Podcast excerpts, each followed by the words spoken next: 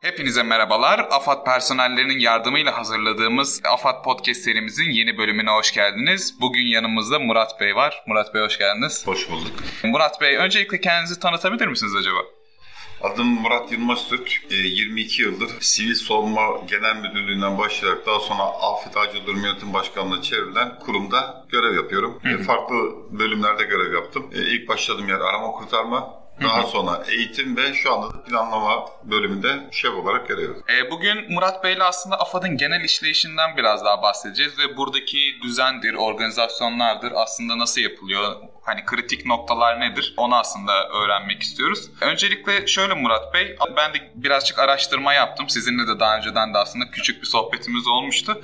Ve bu sohbette AFAD'ın aslında iç işlerine bağlı olduğunu e, ben de öğrenmiştim. Öncelikle Başbakanlıkta daha öncesinde bir evet. bağlı olma durum vardı ama daha sonrasında da İçişleri Bakanlığı'na bağlanmış. Peki e, AFAD için en verimlisi, en konforlusu İçişleri Bakanlığı mı yoksa farklı e, şekillerde aslında AFAD'ın önü açılabilir mi? Açılabilir. Şimdi şöyle bir şey, biz normalde koordinasyon kurumu olarak kurulan bir kurumuz. 3-4 tane, 3 tane farklı bir kurum tek çatı altında toparladılar. Bir koordinasyon kurumu yapılır. Evet. Fakat bu koordinasyon kurumunun diğer kurumlar üzerinde biraz daha etkisi olması için bakanlık seviyesinde değil de bakanlık üstü. Bu daha önce başbakanlıktı. Bu e, şimdi Cumhurbaşkanlığı sisteminde başkanlık sisteme geçtiğimizden dolayı Cumhurbaşkanlığı olabilirdi. Ama e, büyüklerimizin takdiri İçişleri Bakanlığı'na bağladılar. Halbuki bu işler yapılırken bir hiyerar, devletli hiyerarşik olarak üst seviyede olduğunuz zaman diğer bakanlıklar buna daha önem veriyor işlere. Ama böyle bir durumda yine önem veriyorlar ama bu sefer yalnızca ikili ilişkiler çerçevesinde fakat bir üst as ilişkisi olmadan yapılıyor. Hı hı. Onda da tabii ufak tefek problemler çıkıyor. Onu da aşmaya çalışıyoruz. Hı hı. Yani aslında direkt olarak Cumhurbaşkanlığına bağlı olduğunda biraz daha belki de verimli, belki de daha işleyişleri... Tabii işleyiş daha hızlı olur, daha çabuk aksiyon alır kurumlar, hı hı. fazla ertelemeye girmezler, e, cevaplar çabuk gelir, her türlü düşünebilirsiniz. Evet evet. Çünkü yani. hani halk nebzinde de aslında bu afet olaylarında vesaire ilk akla gelen kurum aslında AFAD e, ben de hani incelediğimde ve sorduğumda tabii ki Kızılay'ın ya da farklı kurumların da tabii ki rolleri büyük ama bu hani afet durumlarında gerçekten AFAD'ın rolü büyük diyebiliriz. Peki e, şöyle diyelim, afet anında müdahale planlarının işleyişi nasıl yapılıyor? Hani AFAD nezdinde diyebilirim. Şimdi genel e, şöyle bir şey var. Başkanlığa bağlı olduğumuzdan dolayı başkanlıkta farklı farklı daire başkanlıkları var. Hı hı. Bu başkanlıkların işleyişleri esnasında bize genel bir senaryo verilir. Her 81 ile ayrı ayrı senaryo. Kendi afetine göre. Bizde en büyük afet deprem olarak gözüktüğünden dolayı şu anda deprem senaryosuyla bütün planlamaları yapıyoruz. Hı. Müdahale planlarında gelince şimdi hem e, afet öncesi, sırası ve sonrasında farklı farklı planlar mevcut. Ama ilk başta e, Türkiye'de biz müdahale planı olarak başlamak zorunda kaldık. Yani bundan önce plan yok muydu? Vardı esasında. Hı hı. Farklı başlıklarda bir sürü plan mevcut. Yani plansız katiyen kalmadı. Hmm. ülkemiz. Öyle düşünelim. Hmm. Fakat bu plan yalnızca müdahale planından başlamamız sebebi de olası afete daha hızlı müdahale ve etkin bir e, aksiyon almamız için başlandı. Ama daha sonra e, İRAP belki ileride de bahsedeceğiz. Evet. İl risk azaltma planı, bir de iyileştirme planı diye farklı farklı planlar da mevcut. Hmm. Bize bir senaryo veriliyor. E, deprem anındaki müdahaleye gelirsek veya afet anındaki müdahaleye. Bu senaryoda 39 ilçemizin nüfusu, e, bina sayıları, kritik noktalar, kritik tesisler ve buradaki hasar durumu veriliyor. Bu tabii maksimum değerde olarak düşünülüyor. Artı bunun da bazen %5-10 e, arasında esneme payı yukarı doğru alıyoruz. Ve bu planlar çerçevesinde buna bunlara ne malzemelerle, kaç kişiyle, hangi araçlarla, hangi şeylerle İstanbul yetebilir mi? Onun yanında İstanbul'a destek iller hangisi? Normalde planlarımız çerçevesinde İstanbul'da 18 destekli var. Hmm. sonuçta İstanbul Türkiye'dir diyoruz biz. Evet. Bu nedenden dolayı 80 ilin buraya yardım etmesi gerektiğini düşünüyoruz. Evet tabii. Yalnızca e, şey olarak düşünmeye gerek yok yani illaki plan çerçevesinde belli bir sabit sayı olmasına gerek yok. Biz 80 ilin buraya gelmesini düşünüyoruz. O maksatta bütün çalışmalarımızı yapıyoruz. Bu genel çerçeve çiziliyor. Bu genel çerçeve çizilirken de Türkiye Afet Müdahale Planı iskeleti üzerinden orada yapılan 23 tane bir afet grubu var. Bu afet grupların farklı farklı işleri var. Hmm. Müdahalede çalışacak afet grupları var. Lojistikte çalışacak afet grupları var. Yönetimde çalışacak afet grupları var. Bilgi yönetiminde tarzında düşünebiliriz. Her şey organizasyon için Aynen. aslında. E, bu 23 tane ana kurumu verilmiş. Hmm. 8 tane bakanlığa verilmiş bu görevler. Hmm. Bunların uzantıları ileride bu işleri yapacaklar. Yapılan işlerde sabit olarak belli. Örnek veriyorum. Arama kurtarma. Arama kurtarma AFAD'ındır. Hmm. O yapar. Psikososyal destek aile sosyal politikalarıdır. O yapar. Ee, başka yangın, yangın İstanbul Büyükşehir Belediye Başkanı daire başkanlığıdır. İtfaiye daire başkanlığıdır. E, DEF'in yine İstanbul Büyükşehir Belediye e, DEF, Başkanlığı. E, DEF, evet mezarlıklar müdürlüğüdür. Böyle e, kritik haberleşme bilişim teknoloji kurumudur, bölge müdürlüğündür. Hı hı. Böyle kritik noktalarda kritik e, kurumlar ve onlara destek veren kurumlar olarak düşünüyorum. Hmm. Bunların hepsi bu senaryo çerçevesinde kendi iş ve işlemlerini, kendi arızalarını, kendi şeylerini gidermek için nelerin gerektiğini bu planların içerisinde gömüyorlar. Hmm.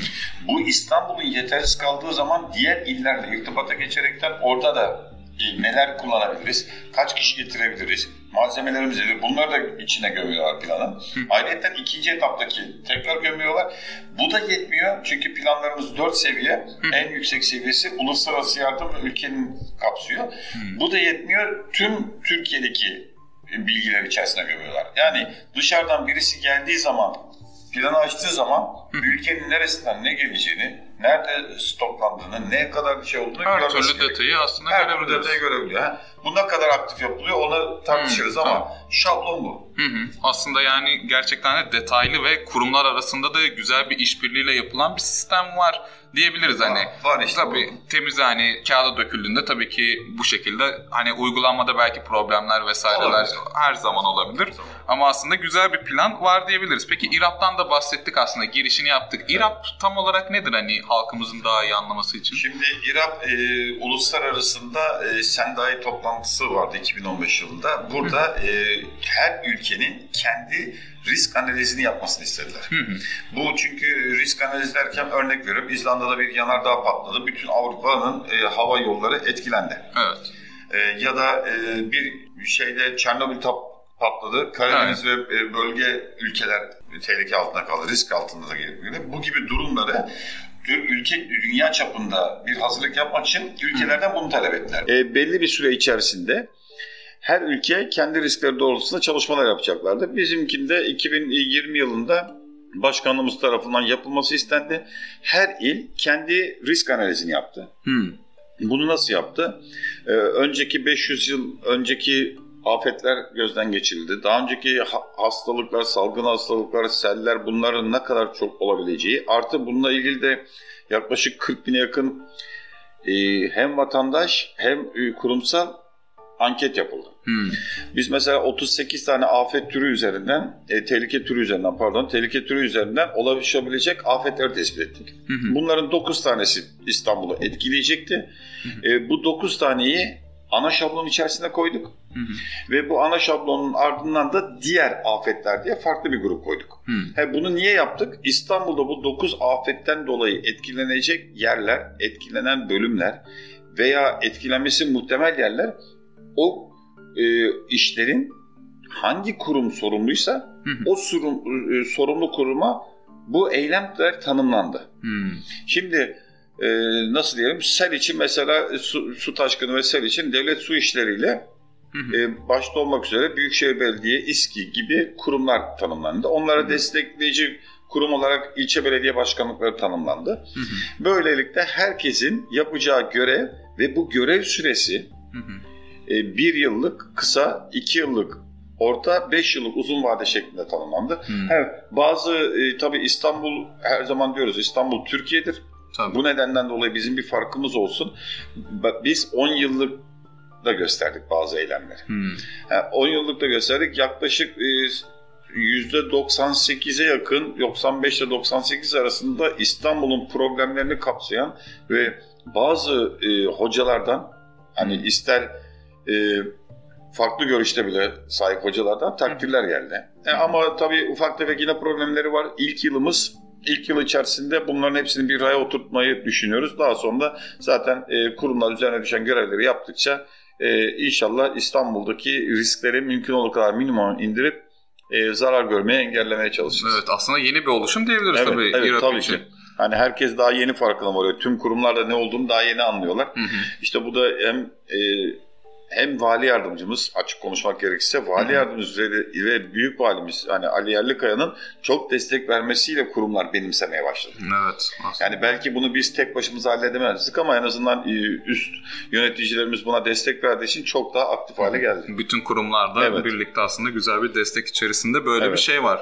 Hani e, şöyle bir sorumuz da vardı aslında. Hani halkımız bu yapılan organizasyon ve çalışmalara sizce hani yeteri kadar hakim mi ya da farkındalı mı ama tabii ki hani bu e, İRAP örneğinde yakın bir süreç diyebiliriz. Tabii ki ama şöyle e, halkımız aslında birazcık nabzını yokladığımızda tabii ki deprem bekleniyor İstanbul'da büyük deprem ve birazcık korku da hakim. Çünkü deprem olduğu takdirde yıkımın ne, e, ne seviyede olduğunda az çok hani tahmin edebiliyoruz hani evet. nasıl sıkıntılar olabileceğini. Hani böyle İRAP olsun, farklı projeler olsun, farklı e, çalışmalar olsun. Halka ulaşması için ekstra bir şeyler yapılabilir mi sizce?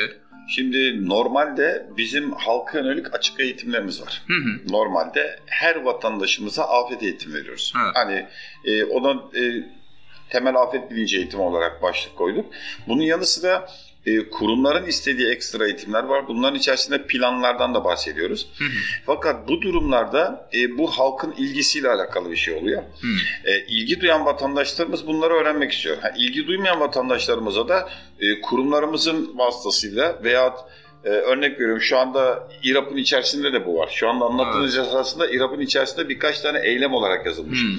Yani biz yaptığımız planları, yaptığımız işleri veyahut e, bölgesel tehlike ve riskleri o bölgedeki vatandaşlarımıza yönelik anlatıp alacağı önlemlerin arttırılması için eğitim, mobil uygulama, Ondan sonra afiş, broşür gibi hazırlıkların yapılmasını kurumlardan istedik zaten. Hı. Yani bunların zaten çoğu da AFAD olarak, İstanbul AFAD olarak biz yüklendik ama yani mühim olan bunu vatandaşa anlatabilmek. İlgililer var. İlgililer soruyor. Mesela hem CİMER'den soruyorlar. E, hem de kendileri telefon açıp soruyorlar. İşte biz e, toplanma alanlarını bulacağız. Toplanma alanları için bir afet acil uygulamamız var. Evet. Ve artı e, devlet üzerinden uygulamamız var.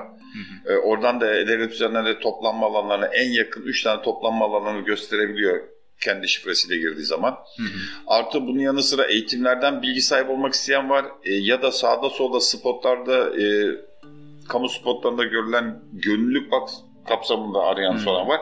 Yani vatandaşımız duyarlı ama şöyle duyarlı ya bir şey geçirmiş olan Hı hı. Yani e, bir afet yaşamış veya afete maruz kalmış veya ondan zarar görmüş kişilerin yüzde doksanın üzerinde buna hı. şey var. Aslında bir şey yaşayanlar var. daha fazla evet. böyle şey yapıyor. Ha, diğerlerinin var ama bu sefer bu yüzde on, yüzde on beşe düşüyor. Hmm. Yani böyle bir sıkıntımız var. Onu da aşmaya çalışıyoruz ama e, en büyük sıkıntı da çok kurumun hı hı e, aynı eğitimleri farklı yönde vermesi. Bunu bir hmm. tek elle toparlayabilirsek onu büyük bir ihtimalle başkanımız yapmaya çalışacak. Hmm.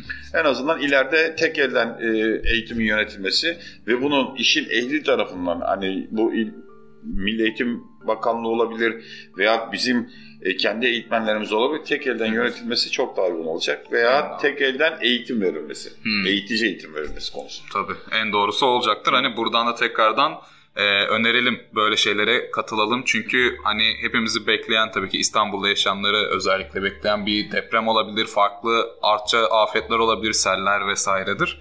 Hani bunun için de gerçekten bir eğitim almamız şart diyebiliriz.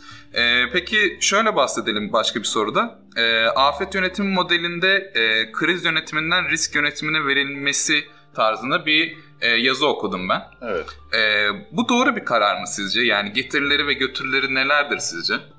Şimdi e, esasında Türkiye için Hı-hı. afetler konusunda milat 1999 Marmara depremi. Evet. Şimdi Marmara depremine kadar Türkiye'de yalnızca müdahale kısmı vardı. Hı. Şimdi afet döngüsü diye bir döngü, modern afet yönetimi döngüsü var. Bu Hı-hı. döngünün başlangıcı zarar azaltma, hazırlık, müdahale ve iyileştirmedir. Dört aşamadır. Evet. Biz direkt müdahale kısmını yapıyorduk. Yani bu nasıl oluyordu? Ee, biraz e, belki şey olacak ama hı hı. E, klasik olacak. İlin mülki amiri veya fark etmez ülkenin am, amiri, başbakanı, o zamanın cumhurbaşkanı hı. verdiği emirler doğrultusunda bu işler yapılıyordu. Hı. Şimdi e, onun için tek bir ağza bakılıyordu. İlde valinin ağzına bakılıyordu bunu nasıl yapar kurtarır kurtarılır. Yani fakat modern afet yönetimine geçişte e, ilk önce müdahaleden önce risk azaltmayı, zarar azaltma ve hazırlığı yapsak eğer hı hı. müdahaleden sonra kaybedeceğimiz 11 lirayı hı hı. biz öncesinde 1 lira olarak hı. harcamış olacağız. Yani 1, 11 lira yakın harcamayı 1 lira olarak harcamış olacağız. Evet. O çok önemli. Çünkü ülkemizde hiçbir zaman herkes şunu unutuyor yani deprem insanı öldürmüyor. Hı hı. Yapılan hatalar öldürüyor. Evet. Yani bu bina yapımı olsun, bu teknik bir hata olsun veya bu kişisinin kendi hazırlıksız yakalandığı bir hata olsun. Çünkü kişilerde düşen, düşen görevler var. Bunu kişiler de yapmıyor. Yani toplumda o duyarsızlığım, duyarlılığımız az işte. Hmm. Yani en büyük sıkıntımız o. O duyarlılığı ne kadar çok arttırırsak, o bilgilendirmeyi ne kadar çok yaparsak bu sefer e, toplum da şuna yapacak. Yani önce mesela soracak, hı araştıracak, sorgulayacak. Afetlerde nasıl önlemler alınıyor? Şimdi binaya kiralarken, da daireni kiralarken veya bir daire alırken sorgulayacak. Bu hangi ne zaman yapılmış? Afetlere dayanıklı mı?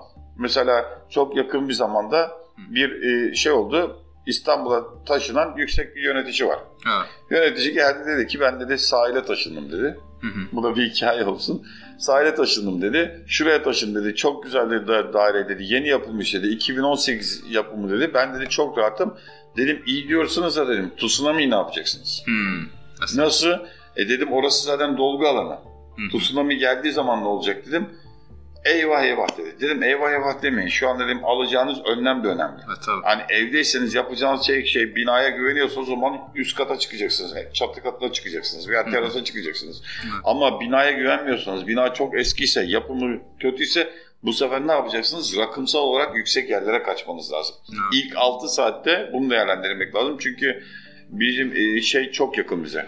E, fay hattı çok yakın. O Hı. nedenden dolayı bu gibi durumlarda vatandaşın bilgisi kapsamında olması lazım, bilgilendirilmesi lazım. Ona göre kendi önlemler alsın. Hı. Bina ne kadar sağlam olursa olsun giriş katta oturuyorsa oturur evet. beklerse benim benim benim bina sağlam diye tsunami de gelip zarar görür. Aynen o nedenden dolayı öncesinde eğitimler olsun, risk azaltma çalışmaları olsun, zarar azaltma çalışmaları olsun bunlar müdahalede 11 lira kaybımızı engelleyecek. 10 lira kazancımız olacak. 1'e 11 veriyor. Yani evet. hiçbir tane şey vermez 1'e 11.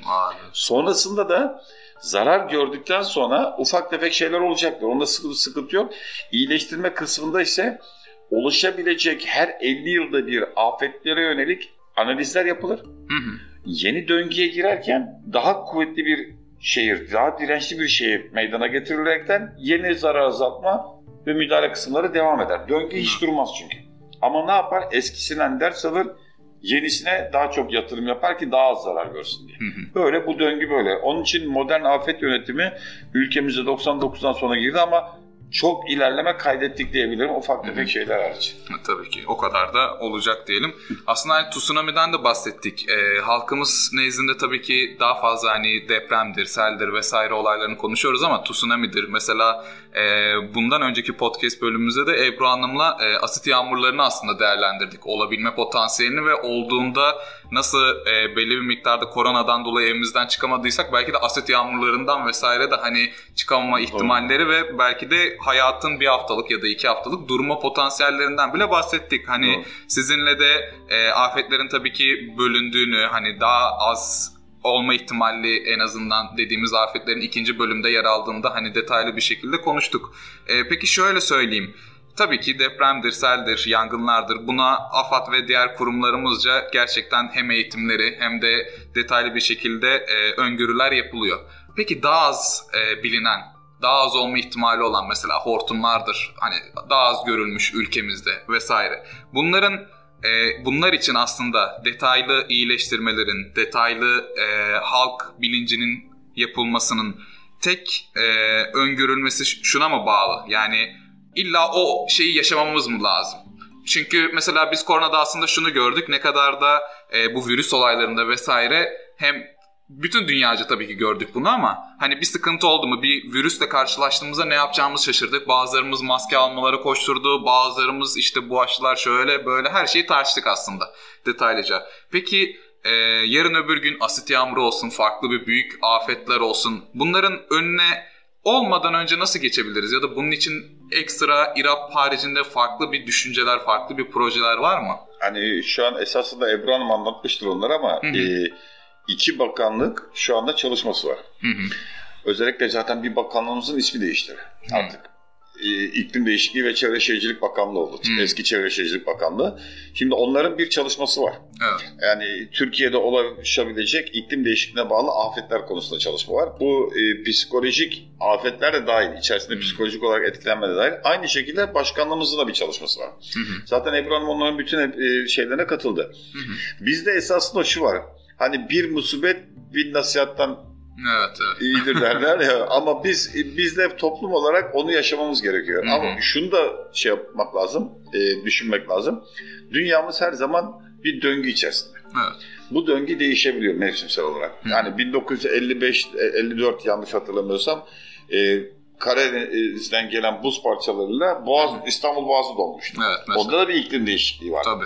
Yani benim komşum anlatırdı. Ben derdi e, hukuk fakültesine derdi buzların üzerinden yürüyerek geldim. Mesela, evet. Yani amcamın elini tutarak geldim derdi. Allah rahmet eylesin. Şimdi bu gibi durumları yaşamadan evvel şu anda iki tane e, bakanlık hakikaten çalışmalar yapıyor. Yani daha iyi şeyler olabilir. Yani vatandaş mesela dolu yağdı. Hiç Hı. böyle bir şey görmemiştik. Hı. Hani mümkün olur. Yani bu bir döngüye girdi. Bir iklim değişikliğinden dolayı döngüye girdi. Başımıza her şey gelebilir düşüncesiyle. Hı hı. Gerekli önlemleri almamız lazım şimdi. Yani evet. kişisel bazda. Yani ben tutup da şimdi komple e, Marmara Denizi'ni temizleyemem. Tabii. Ama doludan etkilenmemek için çünkü doluyu bir tek mesela e, arabalar hasar görüyor, çatılar hasar görüyor. Hı hı. E, doludan dolayı devlet herhangi bir ödeme yapmıyor. Öyle biliyorum ve onun e, şeyi farklı. Evet. O zaman ne yapacağım? Ben yaptığım sigortalarda kendi evimin, arabanın ekstra dolu ifadesini hmm. koydurmam gerekiyor. Bireysel olarak da üstümüze düşen tabii, aslında çok önemli bir rol var. Tabii var yani normalde zaten e, bir şeyin eğer %70'i 80'i veya %100'ü devletten beklendiği zaman bunun hmm. karşılığını bulmuyor zaten. Evet. Hani neden? Bu hem devletin bütçesine bağlı hem harcamalara bağlı.